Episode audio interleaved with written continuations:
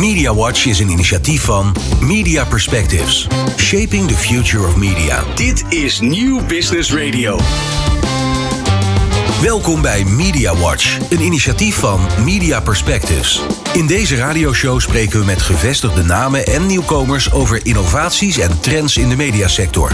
Luister iedere eerste donderdag van de maand tussen 4 en 5 naar Nieuw Business Radio en blijf op de hoogte van de laatste ontwikkelingen in de mediasector.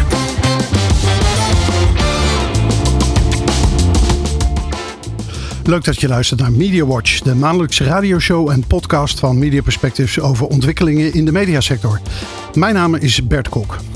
Vandaag praat ik met Ezra Eeman, die sinds 1 juni is aangetreden als directeur strategie en innovatie bij de NPO. Dat is een uh, nieuwe belangrijke functie binnen de publieke omroep.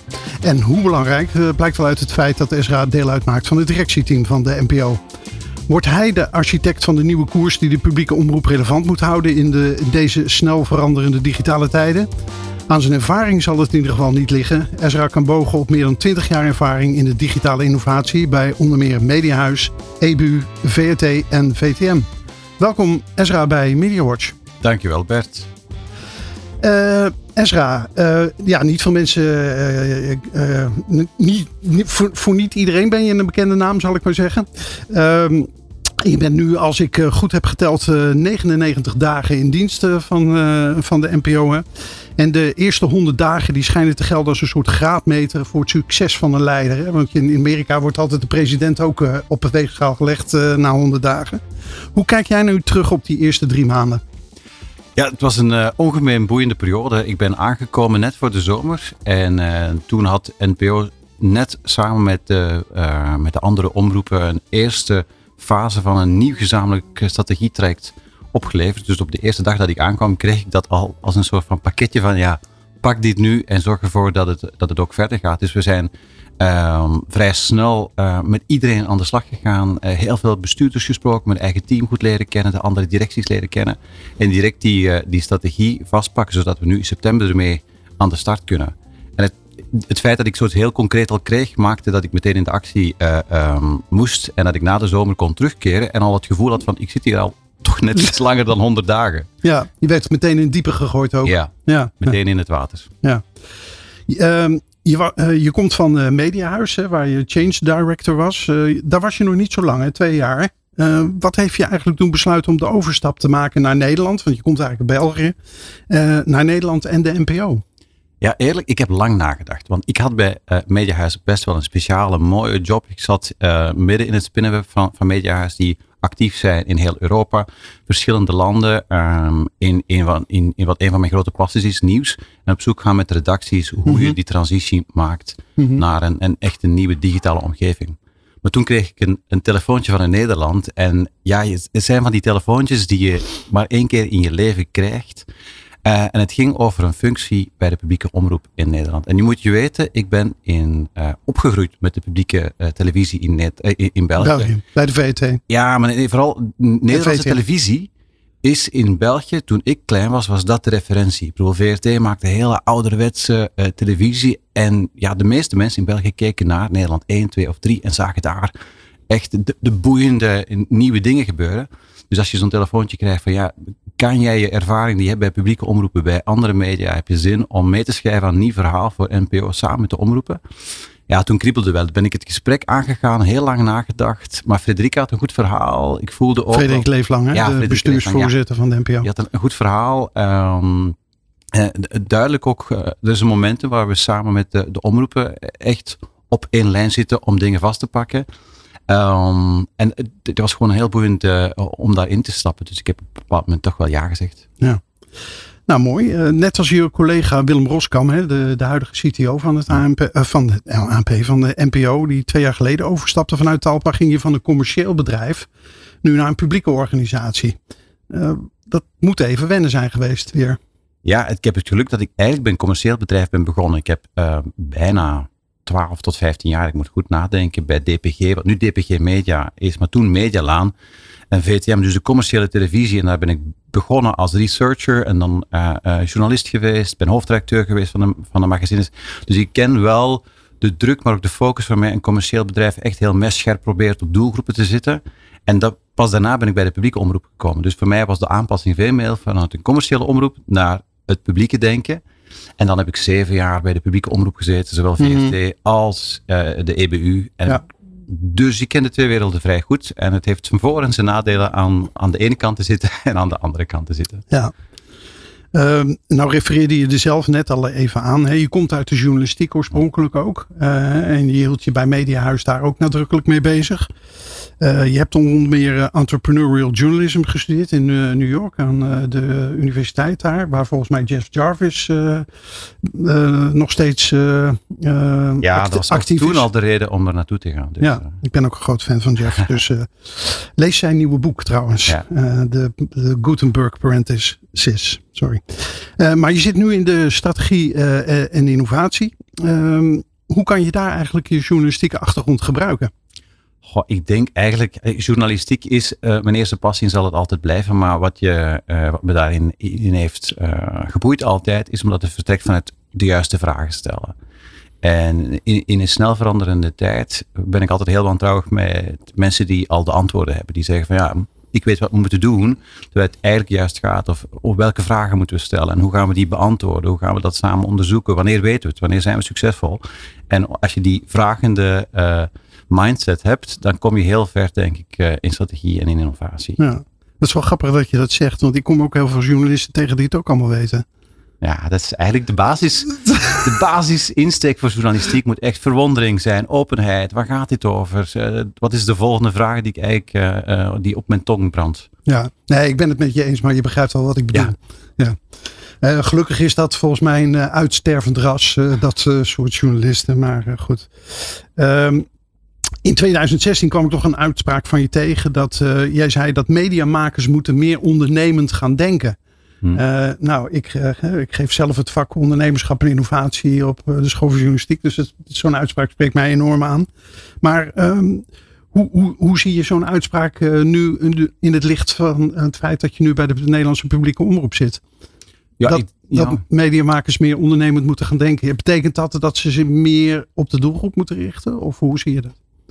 Ik denk dat je vooral moet nakijken of, of bedenken, eh, is er echt een, eh, zit er een, een- vraag in de markt? Ik bedoel, hebben mensen hier behoefte aan? Je kan heel erg vanuit een organisatie en vanuit een soort van doelen denken. En ik denk dat het absoluut belangrijk is dat je goed moet weten wie je bent, wat je identiteit is, waarvoor je staat. Maar als je niet nadenkt of er ergens ook iemand zit op te wachten, ja, dan heb je, zo, dan heb je geen market fit. En dat is nu misschien het, het commerciële denken dat toch een klein beetje, dat ik heb meegekregen van moet wel zorgen dat je ook kijkt of het binnenkomt. Of mensen daar behoefte aan hebben. Ja. En of je het eh, ehm, ja, op een goede manier kan onderhouden. Eh, je kan ook heel veel geld storten in iets dat altijd, ja, wat wij zeggen in, in Vlaanderen, is water naar de zee brengen. Ja, Dat heeft geen zin. het heeft weinig zin. Ja. Ehm, Eh, het heeft natuurlijk niet alleen te maken met, eh, met wat je maakt, maar ook hoe je het, hoe je het maakt en hoe je het distribueert. Mhm. Nu is het zo dat, eh, nou ja, verreweg het meeste geld hier bij de publieke omroep nog steeds aan lineaire televisie wordt besteed. Hè? Eh, ik weet de percentages niet, maar het zou me niet verbazen als dat, eh, dat is meer dan 80% denk ik. Eh, hoe, hoe zie je dat dan? Want eh, het mediagedrag van mensen is enorm veranderd. Eh, is het niet zo dat, dat de manier waarop dat geld dan besteed wordt aan al die content daar enorm bij is achtergebleven bij dat, eh, bij dat mediagedrag? Ik denk dat die budgetten wel aan het verschuiven zijn. Maar je zit natuurlijk met een hele grote doelgroep. En eigenlijk een groeiende doelgroep die toch nog wel, hè, die oud, dat oude segment, die toch nog wel heel vertrouwd zijn met dat televisie, televisiemedium, met dat lineaire. Dus je kan ook dat niet helemaal loslaten en zeggen, nu gaan we alle ballen op, op digitaal zetten. Maar je voelt een verschuiving. Je voelt ook wel dat dat eh, eh, traditionele publiek ook steeds meer on demand aan, gaan kijken, eh, aan het kijken is en aan het luisteren is. Dus je beweegt mee met je, met je publiek en op een bepaald moment ga je daar iets radicalere shifts en bewegingen in moeten gaan doen en dat juiste moment vinden, Ja, ook in budgetten, ook in hoe je die cyclus dan opbouwt van programmatie, eh, van eh, middelen ehm, inzetten. Dat is de zoektocht waar we, waar we met z'n allen voor staan. ja, want zelf deelde je, ik dacht dat het vorige week was, zelf deelde je nog dat moment in Amerika. Ja, in Amerika is het dan zover. Hè, Eh, daar. ja, trouwens in Nederland was het al vier jaar geleden hè, dat eh on-demand groter is dan eh, lineaire tv. Maar goed, dat doet er verder niet toe. Eh, tenminste, dat heb ik gevonden. Ehm, eh, je Je kijkt nu eens of dat, uh, dat klopt. Ja, dat, dat, wil ik wel eens nakijken. Ik uh, zal je de link sturen. um, maar dat zijn wel natuurlijk echte uh, mijlpalen. Hè? Ja. Echte kantelmomenten. Hè, waarbij inderdaad in Amerika nu on-demand en, en gaming trouwens. Want dat ja. vergeten we dan nog eventjes. Ja. Gaming is ook heel groot. samen groter zijn dan lineaire tv. En dat, ik denk dat dat ook voor de Amerikaanse media enorme consequenties heeft.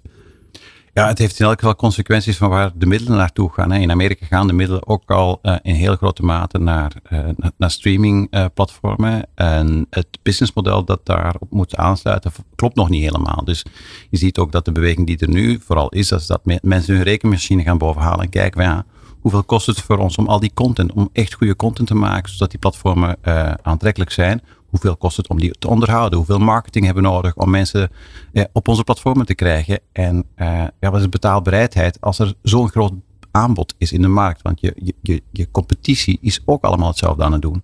En daar zit natuurlijk de, grote uitdaging, zeker in een Engelstalige markt zoals in Amerika. Ja. Nou gaf je het er, er straks al even aan. Hè? Je hebt een belangrijke keuze gemaakt hè, om hier naar bij de NPO te gaan werken. En je zei, nou dat is toch een moment wat niet uh, wat één keer in je leven voorbij komt. Um, dat, dat riep mij eigenlijk de vraag ook op van heeft de Ezra Eman, uh, Eman eigenlijk ook een uh, Big Harry, Audacious Goal, een B-hack? En zo ja, wat is dat dan voor jou? Ik, uh, ik moet zeggen dat ik zo'n soort van groot einddoel waar ik naartoe aan het werken ben, heb ik nooit gehad. Ik ben eigenlijk iemand die in het leven wel meandert en kijkt wat op mij afkomt. En op basis daarvan kijkt, van, past dit bij wie ik ben en waar ik naartoe wil? Uh, maar er zijn natuurlijk wel een aantal zaken. Toen ik in New York werkte uh, en woonde, ehm, kwam ik elke dag voorbij het gebouw van de New York Times. Omdat de City University of New York, waar ik toen Fulbright deed, dat zit echt naast dat gebouw. En ik heb nog altijd ergens de stille droom om binnen de New York Times iets te gaan doen. En uh, uh, daar zitten ook sinds, uh, sinds een tijdje meer en meer mensen die ik ken. Allemaal mensen, ex-collega's van de BBC, die daar um, aanwezig zijn. En dus ja, je weet nooit. Ja, er zit ook een Nederlandse datajournalist volgens mij. Ja, dat die, zou goed kunnen. Maar die dat goed het werk doet. Meer en meer Europeanen die daar ja. ook aan de slag zijn. Ja. Oké, okay, Media Watch is zo weer terug. Dit is Media Watch met Bert Kok.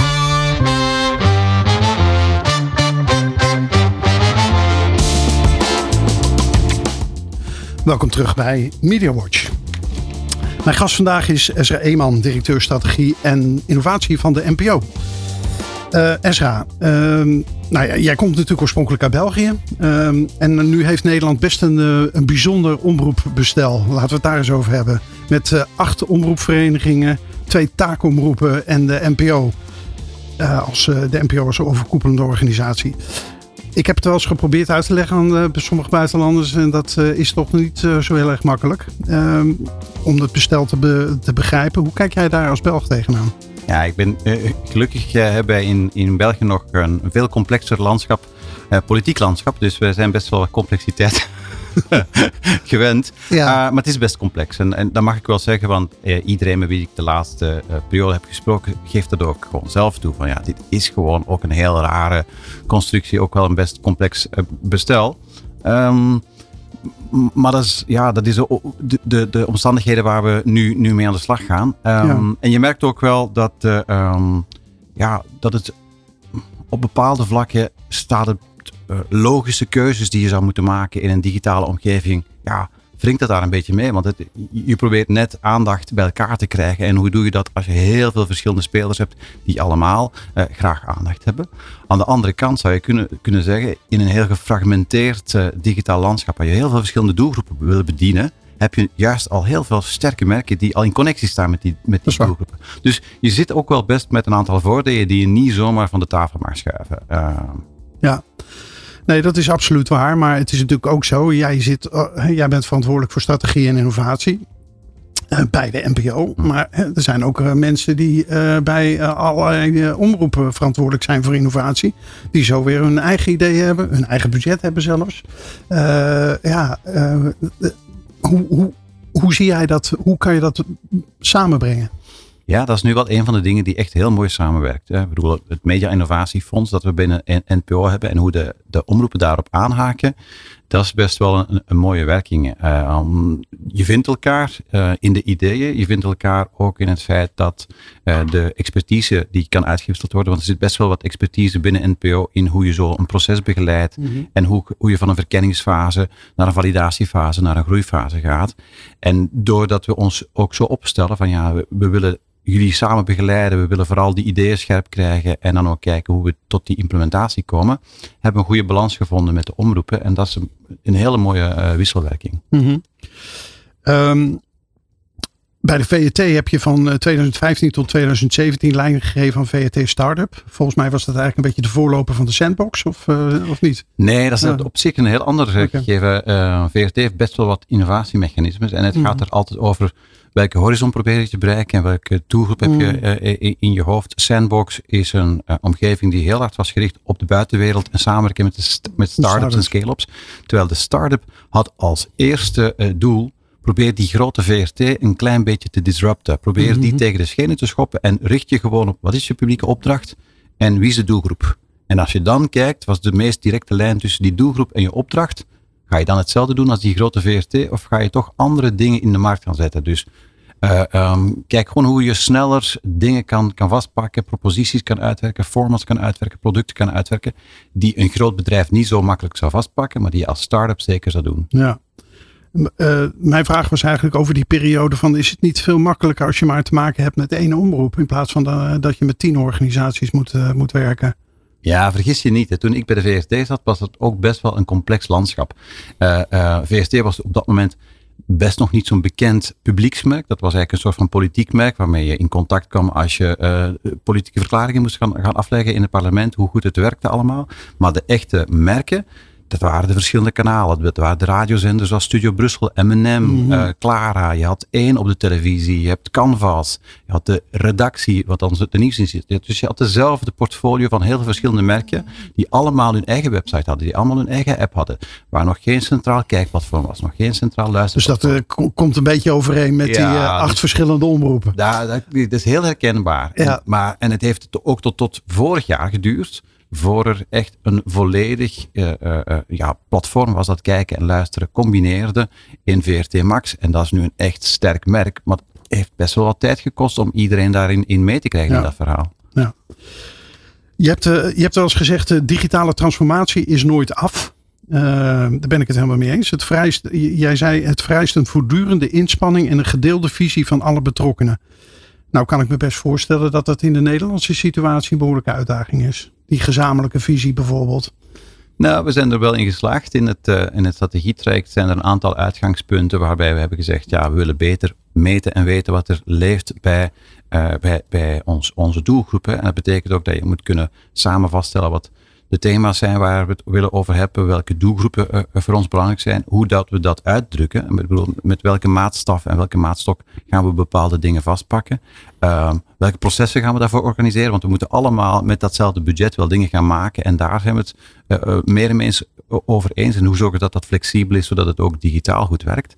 En daarnaast is iedereen het erover eens dat we, als je zichtbaar en vindbaar wilt zijn, dat je toch een paar plekken uh, een andere status moet gaan geven. Een goede -hmm. kijkbestemming, een goede luisterbestemming. En ook daar zijn de omroepen uh, in mee dat we daar samen willen aan werken.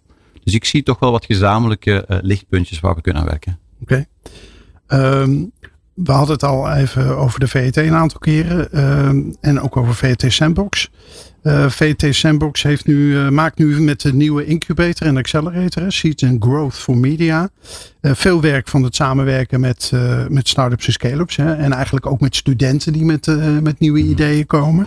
Vind je dat de NPO ook meer, dat meer moet gaan doen? meer zich richten op die start-ups of meer samenwerken daarmee? Maar ik denk dat de publieke omroep een unieke positie heeft in, in een medialandschap waarbij je um, die rol kan oppakken. Dat je echt een soort van versneller bent voor het lokale ecosysteem van technologie, van media. We doen het op dit moment uh, niet. En ik denk dat er zelf wat aanpassingen zouden, zouden nodig moeten zijn in, in onze opdracht om dat helemaal te kunnen oppakken. Maar aan de andere zijde zie ik wel, er is al een soort van gezamenlijke media-innovatieagenda die we met uh, ook de commerciële partijen hebben uitgedacht. Dus waarom ook niet? Want uh, je kan als grote partij de handen al in elkaar slaan, maar je wilt dat, dat omveld van, van kleine startups, van scale-ups, van, van, van, jonge creators die ook aan de slag willen, daar wil je een vliegwiel in zijn. Dus ik vind dat absoluut een perspectief om te bekijken in de toekomst. Oké. Ehm, toen je werd aangesteld, toen zei je dat de veranderingen in het medialandschap en in het mediagebruik gaan razendsnel. En het, het is cruciaal dat de publieke omroep mee evolueert. Uiteindelijk is de vraag, zei je, hoe blijf je relevant en zichtbaar in een steeds breder veld van platformen en kanalen? Wat is er nou nodig om de publieke omroep eh, relevant te houden als je naar eh, al die veranderingen kijkt in mediagedrag en in mediagebruik? Ja, in de eerste plaats uh, denk ik dat het toch gaat. Ik bedoel, media op zich is geen moeilijke oefening. Hè. Ik bedoel, het gaat over je, je maakt content en, aanbod. Dat je moet matchen met behoeftes en, en, en, en, en van een publiek en de noden van het publiek. En daar, dat start dus met een goed mediaaanbod. Relevant en concrete media. En daarnaast gaat het over de, de, vindbaarheid en zichtbaarheid ervan. En dat, ga, dat moet je gezamenlijk doen. Dus het feit dat we daar nu ook een punt van hebben gemaakt. Van dit moet een gezamenlijke strategie worden. Waarbij we uh, toch wat meer ballen op bepaalde bestemmingen gaan zetten. Zodat we dat ook goed in de markt kunnen zetten. Dat je die vindbaarheid ervan kan vergroten. Dat je die relevantie daarvan kan vergroten. Dat is uh, op dit moment hoe we er uh, mee aan de slag gaan. Ja, nu, nu uh, zeg je dat vooral als het gaat over de zichtbaarheid en de vindbaarheid. Hè? Maar hoe sta, hoe sta je er dan in als het gaat over het maken van die content? Uh, ik heb zelf een tijdje bij een bedrijf gewerkt, Smart Octo, uh, wat zich heel specifiek richt mhm. op uh, ja, hoe kan je nou meten, hoe kan je nou precies achterkomen wat voor content mensen behoefte aan hebben, wat voor soort follow-ups, waar zitten ze nou echt op te wachten. Is dat nou het aspect wat ook binnen de publieke omroep voldoende ontwikkeld is? Ik denk dat daar nog wel een, een, een groeistap is. Hè, van uh, hoe ga je van gewoon heel veel data bij elkaar brengen naar daar echt inzicht uit halen. Hoe ga je van achteruit kijken? Want heel vaak kijk je in data achteruit naar iets wat al geweest is, terwijl je juist wil gaan doorhebben. Waar gaan we op anticiperen? Waar ja, zit de groei een beetje meer te voorspellen? Hoe kunnen we dat ook meer real-time doen? Want eigenlijk in een on-demand of in een linie en in een digitale uh, context kan je à la minuut zien wat er gebeurt en kan je daarop inspelen. Je moet ook gepersonaliseerd kijken van ja, welke uh, reis doet iemand door je aanbod, door je, door je verschillende producten? Wat is dan de logische volgende stap? Hm. Waar is die persoon naar op zoek? Welke behoefte heeft hij op dit moment? Dus werken met behoeftemodellen vind ik ook een heel interessante. Die, die volgens nou, zoals, mij... zoals bijvoorbeeld uh, de user needs. Ja, van, uh, ja. absoluut. Ja, um, maar is dat wel iets wat, wat voldoende aandacht heeft bij de, bij de echte makers hier in Hilversum? Ik denk ook niet dat je die eh, verantwoordelijkheid enkel bij de makers moet leggen. Uh, de, de, tijd waarbij je, dat alles van content moet komen, ook al, of alles van de technologie moet komen, die is al lang voorbij. Je moet echt wel samen gaan zitten op bepaalde uitdagingen.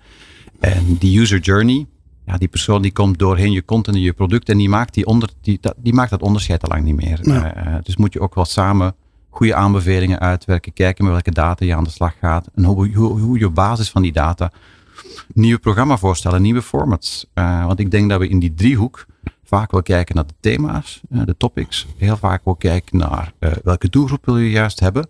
Maar misschien net, nog net iets te weinig aandacht. Wat is dan de juiste vorm? Hoeft dat een lineaire vorm te zijn? En als het geen lineaire vorm is, welke dan wel? Ja.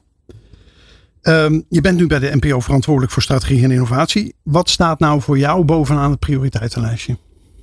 In de eerste plaats uh, wat we nu in gang hebben gezet, dat ook concreet gaan implementeren. Want het is één ding van strategie, hè, maar uh, Culture Eat Strategy for Breakfast. Uh, je moet het ook nog wel concreet gaan maken. Dus met welke afspraken gaan we nu van start? Hoe zorgen we ervoor dat we inderdaad tot meer gezamenlijke um, inzichten komen voor ons publiek? Hoe zorgen we ervoor dat we een duidelijk proces hebben waar iedereen achter staat? En hoe zorgen we ervoor dat we die stappen zetten voor onze start en onze luisterbestemmingen, maar ook voor de, de portals van de omroepen zelf, want ook die willen wel uh, goed gepositioneerd blijven en zijn richting hun, hun doelgroepen. En wat is dan voor jou het belangrijkste punt van die strategie? Uh, ik denk de, de afspraken die we gaan maken of waar we aanwezig zijn en hoe we dat doen. Dus de, de distrib distributievraagstuk is denk ik toch wel het grootste vraagstuk nog. Oké. Okay. MediaWatch is zo weer terug.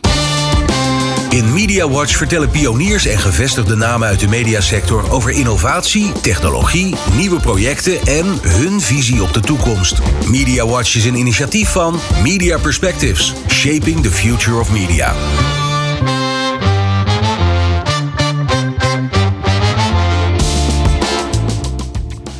Je luistert naar Media Watch. Mijn gast is nog steeds Ezra Eeman, directeur strategie en innovatie van de NPO.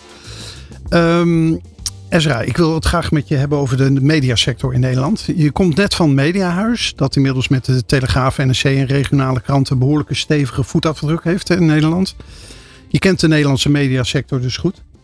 Ehm, wat is voor jou de grootste uitdaging waar de Nederlandse media voor staan? Ja, ik denk dat die erg gelijk loopt met die van, uh, van andere landen. Het businessmodel. Hoe krijg je in, in een uh, een context van overaanbod, van nieuwsvermoeidheid, van honderdduizenden uh, kanalen.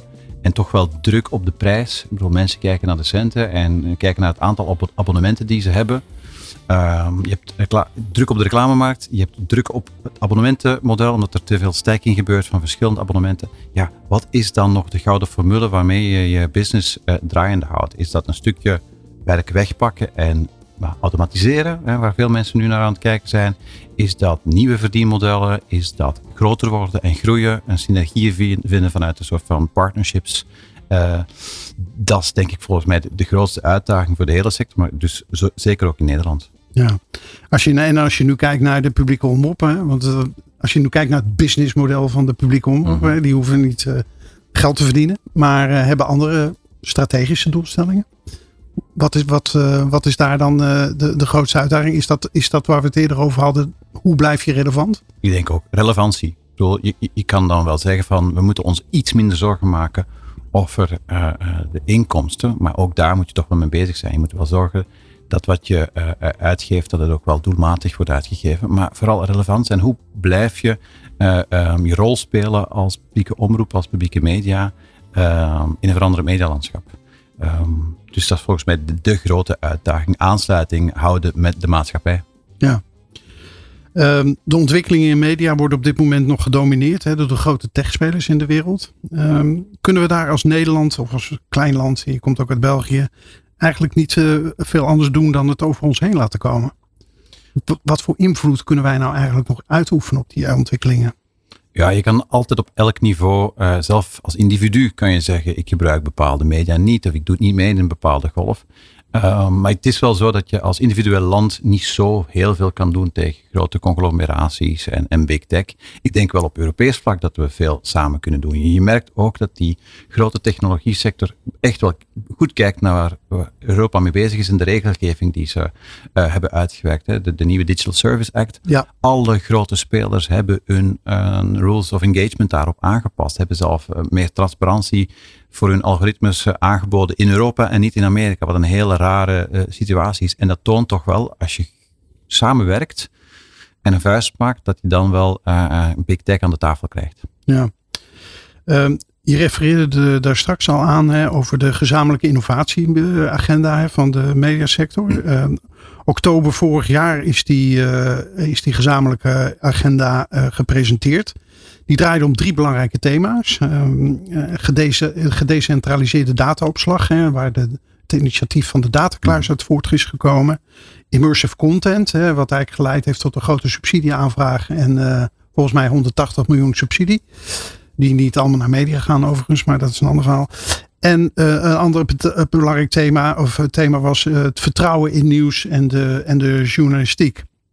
Zijn de, die drie, als je nou kijkt uh, wat er allemaal aan de hand is in de, in de media, zijn dat wat jou betreft ook de belangrijkste thema's eigenlijk? Ja, eigenlijk wel. We, um, ik zit ook in een advisory board van de Future Media Hubs. En dat is eigenlijk een, een, netwerk op Europees niveau.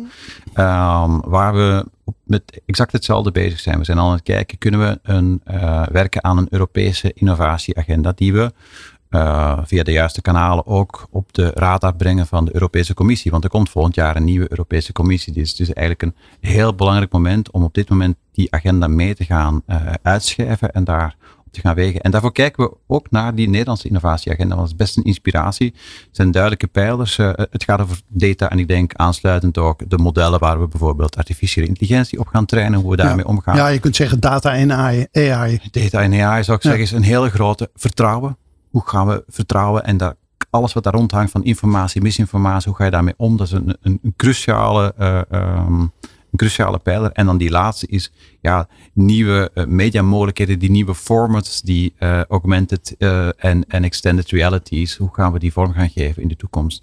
Dat lijken mij best wel drie grote pijlers waar ook op Europees vlak waarschijnlijk wel wat bedrijven zich kunnen achterschalen. Ja, zie jij daar dan ook meer geld op voorkomen, bijvoorbeeld op uh, Europees niveau? Want uh, ja, de afgelopen jaar is al bijvoorbeeld best veel geld uh, door de Europese Commissie gestoken in allerlei nieuwe initiatieven als het gaat over de mediasector. Is dat... Ja, het, het, ding is alleen dat als je met Europa zelf gaat praten, dat zij niet het gevoel hebben dat er een heel duidelijke agenda is mm -hmm. op Europees vlak. Dat zij een heel duidelijke counterpart hebben, dat we dat ze een heel goede gesprekspartner hebben om media te, gaan definiëren. Vaak zit media toch ook ergens in een andere conglomeratie nog met cultuur, technologie, uh, andere pakketten. Dus er is niet een soort van commissariaat van de media waar je uh, naartoe gaat. Een Europese commissaris van media met een Europese media-innovatieagenda bestaat op dit moment niet. En daar zouden we wel kunnen aan werken. Ja.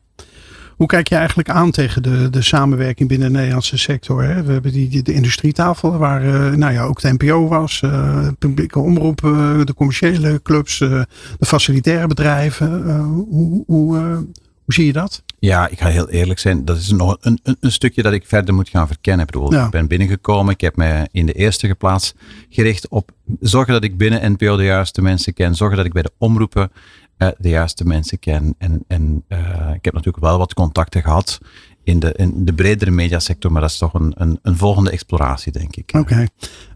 Laten we het dan even in zijn algemeenheid uh, hebben. We hadden het net over ontwikkelingen in de media, waar je van, van buitenaf die er komen door de grote -hmm. techspelers. Is dan eigenlijk niet ja, samenwerking eigenlijk geboden? Hè? Dat, dat, je, dat je zegt van nou, bijvoorbeeld als het gaat over data-infrastructuur, dat je dan toch zegt van, nou ja, misschien zou het toch een verstandig idee zijn als we dat, dat, dat uh, voor alle mediabedrijven samen gaan regelen. In plaats van dat iedereen dat zelf uh, het wil gaat uitvinden. Ja, ik denk absoluut. Het, alleen ik kom van een, een context, de, de EBU, waar we ook altijd heel veel technologieprojecten hadden waar we probeerden om uh, samenhang te vinden en gezamenlijke projecten. Dat is niet altijd even gemakkelijk, want de context van uh, bedrijven is anders, hun incentives zijn anders, waar ze moeten op inzetten.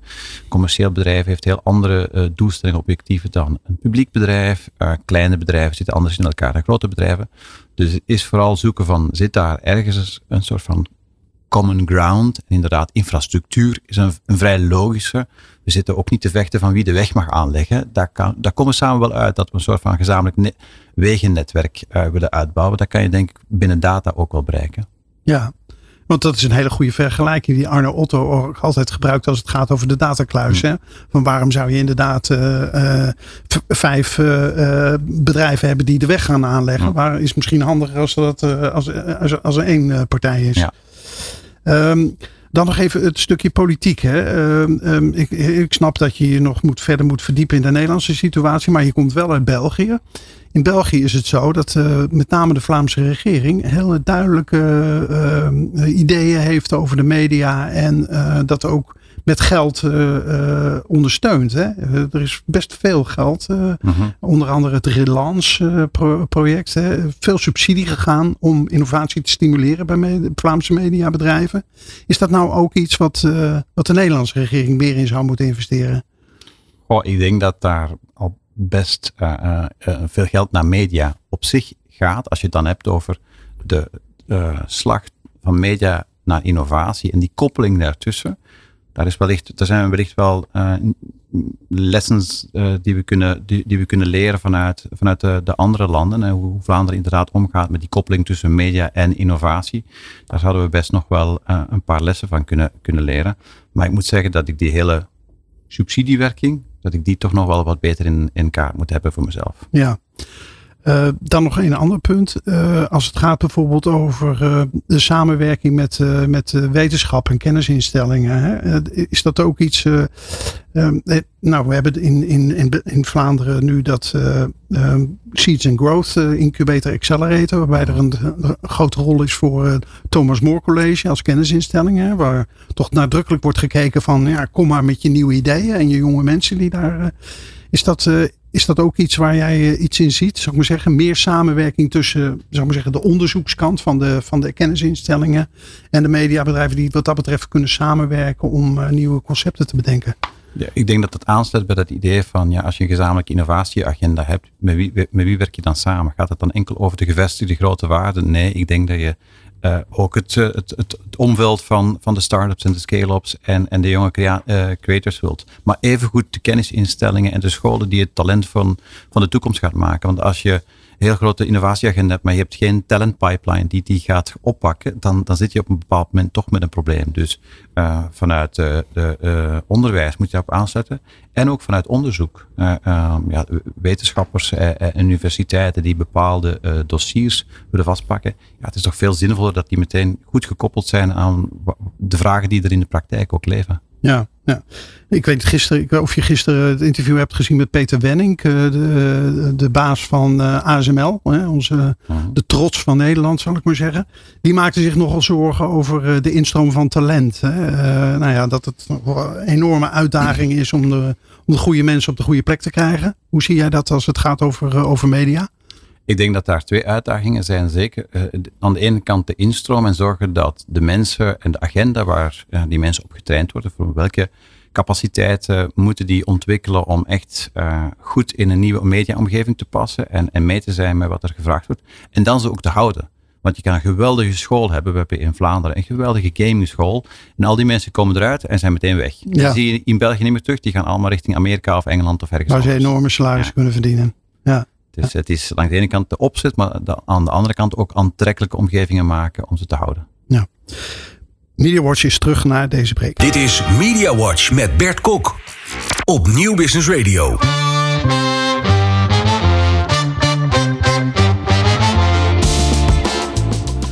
Welkom terug bij Media Watch. Ik praat vandaag met Ezra Eeman, directeur strategie en innovatie bij, van de NPO. Uh, Ezra, je hebt een uh, wekelijkse nieuwsbrief, hè? Wayfinder. Uh, kan ik trouwens van harte aanbevelen. Uh, waarin veel aandacht is voor ontwikkelingen op het gebied van AI. nou, volgens mij gaat driekwart van je nieuwsbrief gaat er, gaat er iedere week over. misschien overdrijf ik een beetje. Wat betekent AI voor jou als het gaat om media? Ik denk dat er eh, een enorme versnelling aan het gebeuren is met AI. Eh, en dan voornamelijk met de toegankelijkheid van die tools. AI is op zich niet nieuw, we zijn daar al jaren mee bezig. Uh, en elk mediabedrijf die een beetje een RD-afdeling of innovatieafdeling heeft, die heeft het van ja, die doen we al lang. Maar opeens is het toegankelijk voor, voor ongeveer iedereen. En, en daar heb je een grote versnelling door gekregen in. in eh, beeldgeneratie, in audiogeneratie, in tekstgeneratie. En iedereen moddert wat aan en probeert er ook iets waardevol mee te maken. Maar je ziet wel een onwaarschijnlijke toename in, uh, in wat je kan doen. Ja. Eh, wat, wat vind jij nou eigenlijk de coolste? Want je, in jouw nieuwsbrief besteed je ook veel aandacht aan allerlei applicaties en tools die, ja. die er zijn. Wat vind jij nou de coolste AI-applicatie die je tot nu toe hebt gezien? Ja, ik ben meest geïnteresseerd niet noodzakelijk in de, de, de tools die automatiseren. Um, omdat ik ook denk dat uh, de betrouwbaarheid van heel veel van die AI-tools is nog onder, ondermaats. Maar uh, als brainstorm partner, als uh, um, iets wat ideeën vermenigvuldigt, vind ik het onwaarschijnlijk goed. En een mooi voorbeeld was Google Text Effects. Dat is een, een applicatie die de innovatielab van Google heeft gemaakt. En het is een soort van toolkit voor tekstschrijvers en rappers die eigenlijk op een hele innovatieve manier met woorden en zinnen aan de slag gaat en daar alliteraties op maakt of uh, synoniemen vindt of die opentrekt en daar een hele context rond bouwt. En ineens heb je een soort van wordcloud waarmee je als artiest aan de slag kan, die je nooit zo uh, um, ja, spontaan voor je had gehad als, als, als door die tool. Dus dat vind ik een hele uh, mooie toepassing van, van AI. Mm. En wat het nu kan vooral. Ja. Um, en daarnaast denk ik, wat, wat ik heel spannend vind, is uh, um, beeldgeneratie en de snelheid waarmee dat, dat gaat. Het, het, aanmaken van gaming assets bijvoorbeeld. Binnenkort ga je gewoon een goed scenario moeten kunnen schrijven en ga je zelf spelletjes. Ah, ik, ik, ben altijd, ik, altijd gefrustreerd geweest dat ik zelf niet goed genoeg kon coden om verhalen, want ik ben een verhalenmaker, ik ben in de eerste plaats een filmmaker geweest, die vanuit uh, een scenario echt een game zou kunnen maken. En ik voel, er gaat een toekomst komen dat ik dat enkel dat verhaal goed moet schrijven en dan de gaming assets. Mhm. En het programmeren van het landschap en van die, het, het maken van die karakters gaat allemaal veel meer met eh, generative AI eh, gaan kunnen Ja. gebeuren. Het heeft wel een nadeel. Hè? Ik eh, ben even vergeten welk consultancybureau het was. Maar de- die riep, ja, straks is middelmatigheid is gratis. Hè? Dus dat betekent dat als iedereen met die tools kan, wel behoorlijke resultaten kan eh, boeken. Dan is het wel eh, verdomde moeilijk om eh, ja, de echte topkwaliteit eh, te bereiken. Dus je moet om je te onderscheiden. Dat was daar eigenlijk ben de ik het niet mee eens. Ik denk wat je gaat krijgen is dat eh, alles wat slecht was, naar die middelmatigheid gaat. Dus je gaat een enorme grote brei van Ja, ja, eh, middelmatigheid krijgen. Maar echte creativiteit gebruikt die AI als krukje om nog hoger te gaan staan. Ja. Dus ik maak me geen zorgen voor de mensen die creatief zijn. Die gaan met die AI heel fijne dingen doen. Alleen ga je die middle ground, die wordt gigantisch groot. Want iedereen gaat diezelfde tools gaan gebruiken. Ja. Ehm, Eh, welke specifieke AI-toepassingen zie jij voor je als het gaat om de Nederlandse publieke omroep eigenlijk? Waar, welke toepassingsmogelijkheden word jij nou, eh, of denk jij van, eh, daar, daar moeten we volop inzetten? Ik denk dat we voorlopig nog heel voorzichtig moeten zijn, omdat de betrouwbaarheid van die modellen erg wankel is. Dus aan de voorkant is mijn advies nog, doe vooral niet te veel aan de voorkant, tenzij je er met een hele grote stempel experiment op zet. Eh, aan de achterkant kan je wel gaan kijken van hoe kan het helpen voor bijvoorbeeld metadatering goed te krijgen en dat soort zaken, bepaalde processen automatiseren. Ehm, wat wel al vrij ver staat, is alles wat met synthetische spraak heeft te maken. En daar Mhm. denk ik, kan je wel aan de voorkant gaan nadenken. eh, hoe kunnen we eh, sommige van onze content meer accessible maken, meer toegankelijk maken door die ehm, ja, andere leesstemmen, eh, leesstemmen echt op maat van bepaalde eh, andere talen gaan aan te bieden. Ehm, een persoonlijke, ja, voor kinderen ga je misschien andere stemmen gaan, gaan inschakelen dan voor wat oudere mensen. Leestempo's, al die dingen kan je met synthetische stemmen veel meer gaan fine-tunen. Je kan dingen aanbieden waar je de tijd gewoon niet voor hebt. Je kan niet alles gaan uitlezen, maar een synthetische stem kan je daar dus aanvullend aanbod gaan maken. Dus dan kun je meer producties op maat maken eigenlijk. Ja. ja. Ja. Ehm, ook eh, in de journalistiek hè, wordt er veel gediscussieerd over, eh, over de mogelijkheden, maar ook vooral over de gevaren van, eh, van AI. Is de AI nou een vloek of een zegen voor de journalistiek, wat jou betreft? Het ligt eraan hoe je ermee omgaat. Ik bedoel, de AI is er, dus we gaan hem niet, niet, meer uitgommen. Ik denk, de vraag is hoe ga je ermee om? Het feit dat nu alle mediabedrijven die ik ken in, in België en in Nederland wel heel hard aan het werken zijn aan goede richtlijnen, goede kaders om ermee om te gaan. Dat is wel een, een mooie evolutie, want tien jaar geleden toen sociale media eraan kwamen, eh, ehm, dan had je veel minder eh, een soort van bewustwording. Hier moeten we wel wat over nadenken. Ja. Is dit slim, is dit niet slim? En nu zie je dat mediabedrijven veel bewuster ermee omgaan en veel voorzichtiger eh, het experiment aangaan. Ja, nou dat sluit wel eh, goed aan bij deze vraag. AI zou de manier waarop nieuws wordt gemaakt en, en verspreid radicaal kunnen veranderen. Hè? Jij, hebt gezegd dat, maar jij hebt gezegd dat er te weinig strategisch wordt nagedacht over de impact die AI zal hebben op journalistieke bedrijfsmodellen. Hm. Eh, wat bedoel je daar precies mee?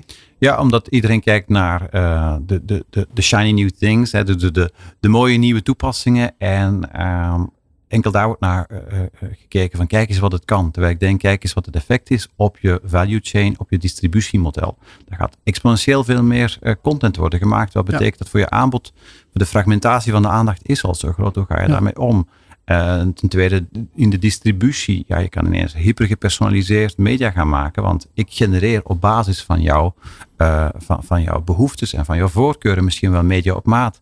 Ook dat is best wel eh, een, een, een switch. En eh, de, de, de kracht, of zou ik maar zeggen, de macht om media te maken, is nu nog verder eh, eh, verspreid over ongeveer iedereen. Want Nog meer gedemocratiseerd ja, eigenlijk. ik wou zeggen, net, ik, ik, als ik wil, ga ik binnenkort een game maken. Dat kon ik vroeger niet. Dus ook daar ga je wel zien dat er eh, nog meer eh, aanbieders in de markt komen. Ja. Nou zei je net, eh, AI is here to stay eigenlijk. hè? Eh, nou zegt eh, ehm, Gartner, die om de zoveel tijd een hype cycle publiceert. Die zei dat we misschien wel net over de top heen zijn hè, van die hype cycle. Eh, de bezoeken aan de Open, OpenAI website en aan ChatGPT die lopen eh, ges- gestaag terug. Ehm, denk je ook dat we over de hype heen zijn en wat betekent dat dan? Ja, ik vind het wel een hele bizarre parameter dat alles nu wordt opgehangen aan bezoeken aan ChatGPT, alsof zij de enige zijn die met, met uh, generative AI bezig zijn. Maar het is wel zo dat uh, de hypezakkel is vooral een beetje naar beneden aan het gaan, omdat dat hele landschap aan tooling, die grote mushroom aan tooling, aan alle mogelijke toepassingen, die is natuurlijk niet aan het opleveren wat daar al in geïnvesteerd is. Heel veel start startups hebben gigantisch veel geld gekregen om met een idee de markt op te gaan.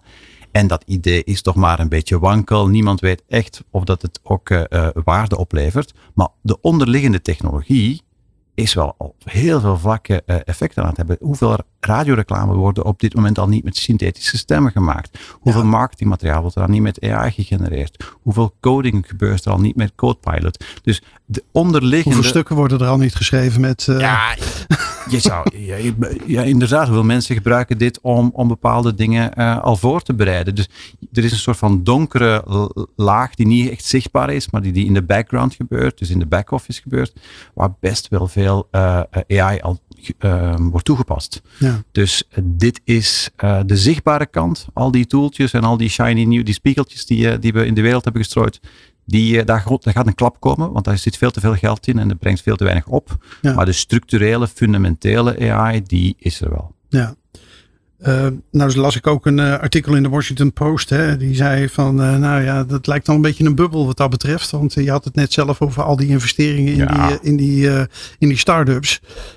maar businessmodellen, geld verdienen, dat is nog even een ander verhaal. Hè. Gisteren, of, gisteren of weer gisteren werd wel bekend dat chat of OpenAI ongeveer een miljard kan gaan verdienen met chat GPT in de komende twaalf maanden. Maar zij zijn wel een redelijke uitzondering volgens mij. Ja, er wordt geld verdiend. Hè, maar ik denk vooral aan de infrastructuurkant. Hè. Nvidia zit gigantisch veel geld binnenkomen. Uh, Amazon en al de anderen die in serviceparken aan, aan het optimaliseren zijn en hun AI-stacks aan het verkopen zijn en Jan en Alleman. Maar al die kleine start-ups waar geld wordt ingestrooid en die niks gaan opbrengen, ja, daar gaat een klap komen. Daar ben ja. ik zeker van. Ja, want gaan we met de AI dezelfde kant op als de metaverse? Af en toe denk ik wel eens van de metaverse twee jaar nee. geleden. Nee, want de, de metaverse is niet, uh, is niet geadopteerd. Er is een, een kleine fractie die daarin rondloopt. En, en dan definiëren we nog metaverse als soort van interactive gaming, waar heel veel, veel jongeren in zitten. Maar die echte visie van de metaverse, die is er gewoon nog niet. En daar zitten heel weinig mensen echt op.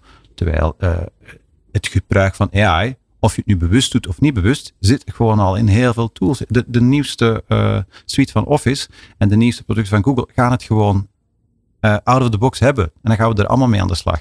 Dus uh, in die zin is de adoptiegraad zoveel hoger dan, dan de metaverse.